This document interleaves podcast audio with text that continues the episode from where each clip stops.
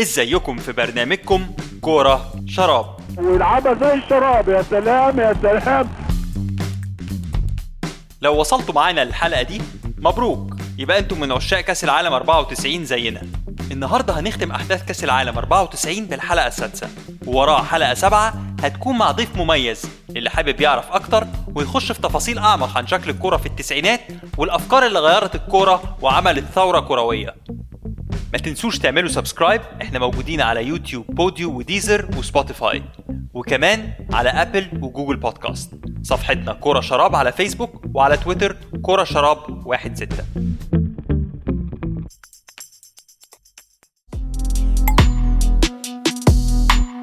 نخش على مباريات قبل النهائي والمباراة الأولى ما بين مفاجأة البطولة بلغاريا وإيطاليا اللي نجحت للوصول للدور ده رغم بدايتها البطيئة. بلغاريا لغاية ماتش الافتتاح قدام نيجيريا لعبوا 17 مباراة طوال تاريخهم في كأس العالم. فشلوا في الفوز في أي واحدة فيهم. وفجأة أيها الناس المكنة طلعت قماش. كسبوا اليونان والأرجنتين وعدوا من المكسيك وطيروا ألمانيا حامل اللقب. إيطاليا قدمت أفضل شوط ليها في البطولة ونجحت إنها تتقدم بهدفين عن طريق باجيو اللي رقص اتنين في الجول الأول وحطها جميلة من على حدود ال 18 دونادوني الله يعين أمة في هذه المباراة. تلعب روبرتو باجيو يحاول يمر. كرة معاه حاول يشوط. هدف الجول. جول جول جول. جول روبرتو باجيو وبعدها chip من ألبرتيني ضرب بيها ال offside وخلصها باجيو حلوة في البعيدة. كرة تلعب قدام الجول هدف الجول. جول جول جول جول جول. روبرتو باجيو روبرتو باجيو الله عليك الله عليك يا روبرتو باجيو الحقيقة. لكن قبل نهاية الشوط الأول مفيش غيره المنقذ دائما ستويتشكوف. يجيب الهدف السادس ليه في البطولة والماتش ينتهي 2-1 لإيطاليا. بس جماهير إيطاليا حطت إيدها على قلبها لما باجيو خرج قبل نهاية الماتش بتلت ساعة بشد في الخلفية.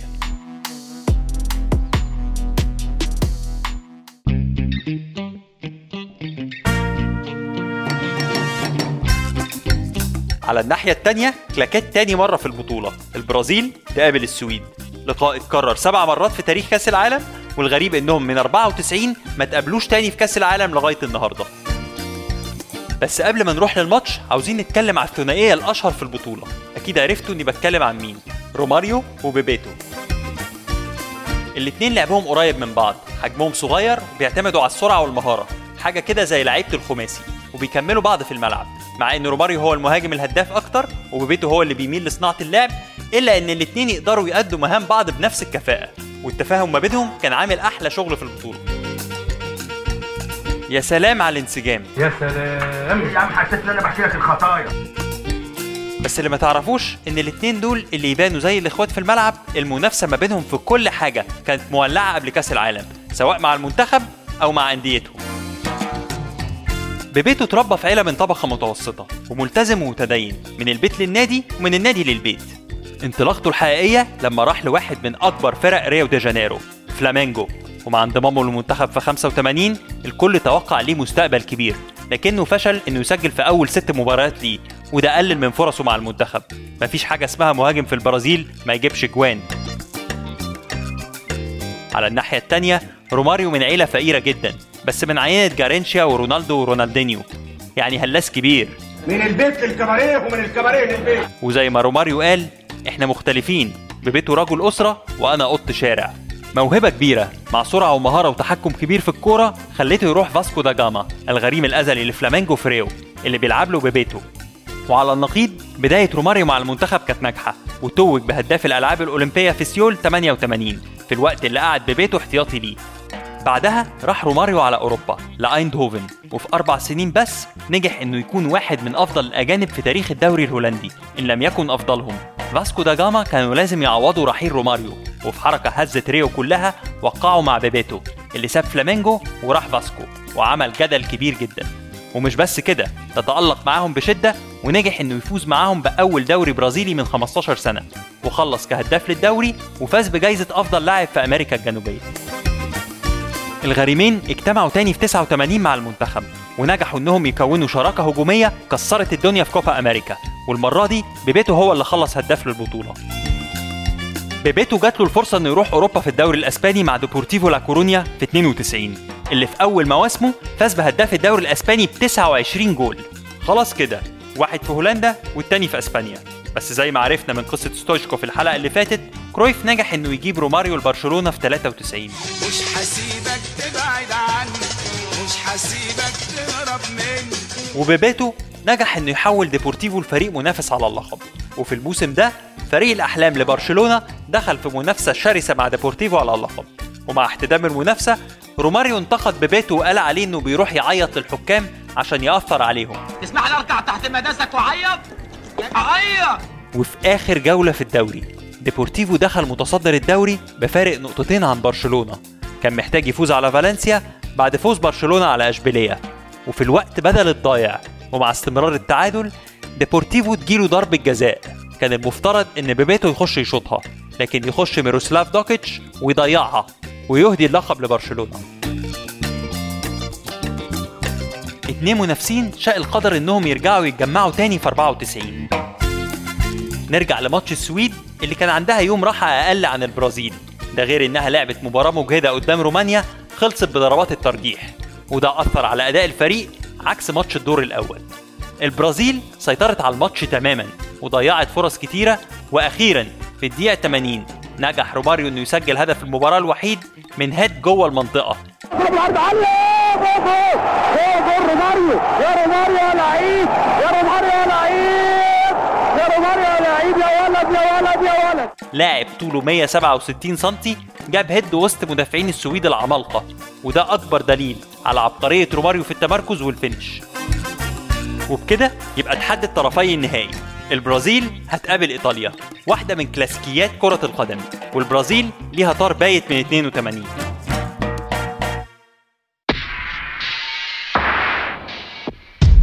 لكن قبل ما نروح للنهائي في مباراة تحديد المركز الثالث ستويتشكوف كان محتاج جون كمان عشان يفض الشراكة على لقب الهداف مع سالينكو ويبعد عن روماريو باجيو اللي وراه بجون واحد. بس السويد ما ادتهمش فرصة وخلصت عليهم في الشوط الأول بأربع أجوال لدرجة إن حارس بلغاريا رفض إنه يلعب الشوط الثاني ونزل بديله والنتيجة وقفت عند 4-0 عشان تتوج السويد بالبرونزية. وزي ما اتكلمنا على التوأمين المتشابهين كرويا ومختلفين في كل حاجة تانية روماريو وبيبيتو فلازم نقف عند اللاعب اللي شال إيطاليا على كتافه لحد النهائي. روبرتو باجيو. اللحظة اللي قررت فيها أعلق جزمتي للمرة الأخيرة حسيت إني تحررت. دي كانت كلمات باجيو عن لحظة اعتزاله الكورة واحد من أهم المواهب الإيطالية. على قد حبه وشغفه بالكورة إلا إن معاناته وآلامه اللي طردته طوال حياته تكاد تكون قصة من الخيال.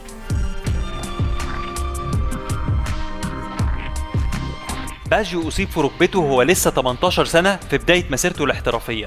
استلزمت الإصابة إنه يعمل ست عمليات انتهت بأكتر من 220 غرزة في ركبته. وزود على كده كان عنده حساسية ضد مضادات الالتهاب. زودت إحساسه بالألم لدرجة غير معقولة.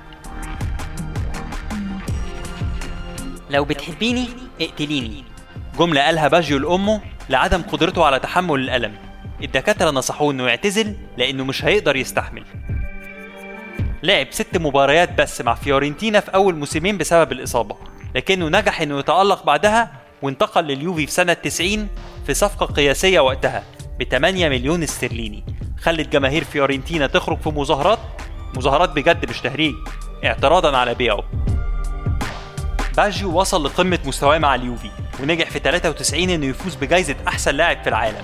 ده غير إنه فاز معاهم بجميع البطولات المحلية غير الفوز بكأس الكؤوس الأوروبية. مسيرة باجيو استمرت لغاية سن 37 سنة ولعب مع الميلان اللي فاز معاهم بالدوري بعد ما مشي من يوفنتوس. وبعدها لعب في بولونيا وإنتر وختم مسيرته في بريشيا. وتألق معاهم على مدار أربع سنين وجاب معاهم 45 جون. يعني لعب 20 سنة بعد إصابته اللي كانت هتخلص عليه. وخلال الفترة دي ما كانتش معاناته بتقف. فبعد كل مباراة ليه مع بريشيا ما كانش بيقدر يتحرك لمدة يومين كاملين وكان بيضطر يفضل ياخد مسكنات عشان يقدر يكون جاهز للمباراة اللي بعدها. مسيرة كبيرة للاعب عظيم مش متخيل كان ممكن يحقق إيه لو كان بيلعب وهو سليم. أظن كده عرفنا إن الدنيا ما فيهاش غير باجيو واحد بس.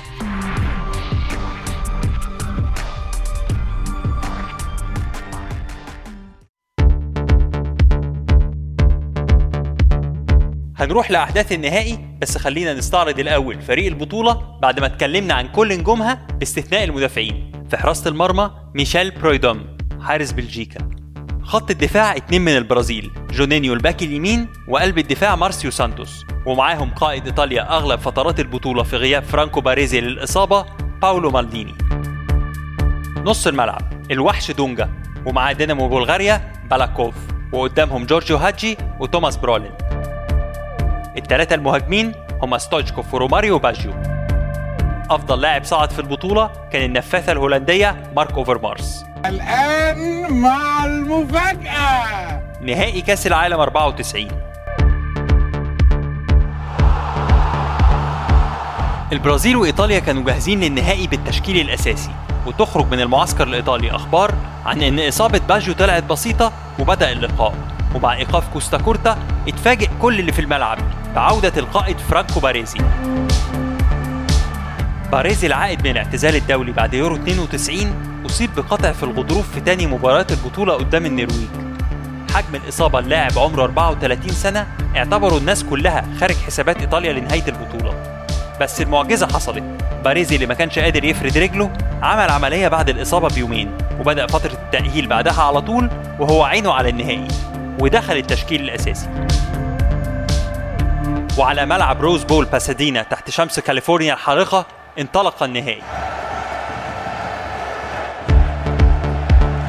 وكان أول تهديد على مرمى تافاريل عن طريق ماسارو وبعدها سيطرت البرازيل على أغلب فترات الماتش من غير فرص حقيقية لغاية الدقيقة 75 شوطة من ماورو سيلفا تقع من إيد باليوكا وتخبط في العارضة.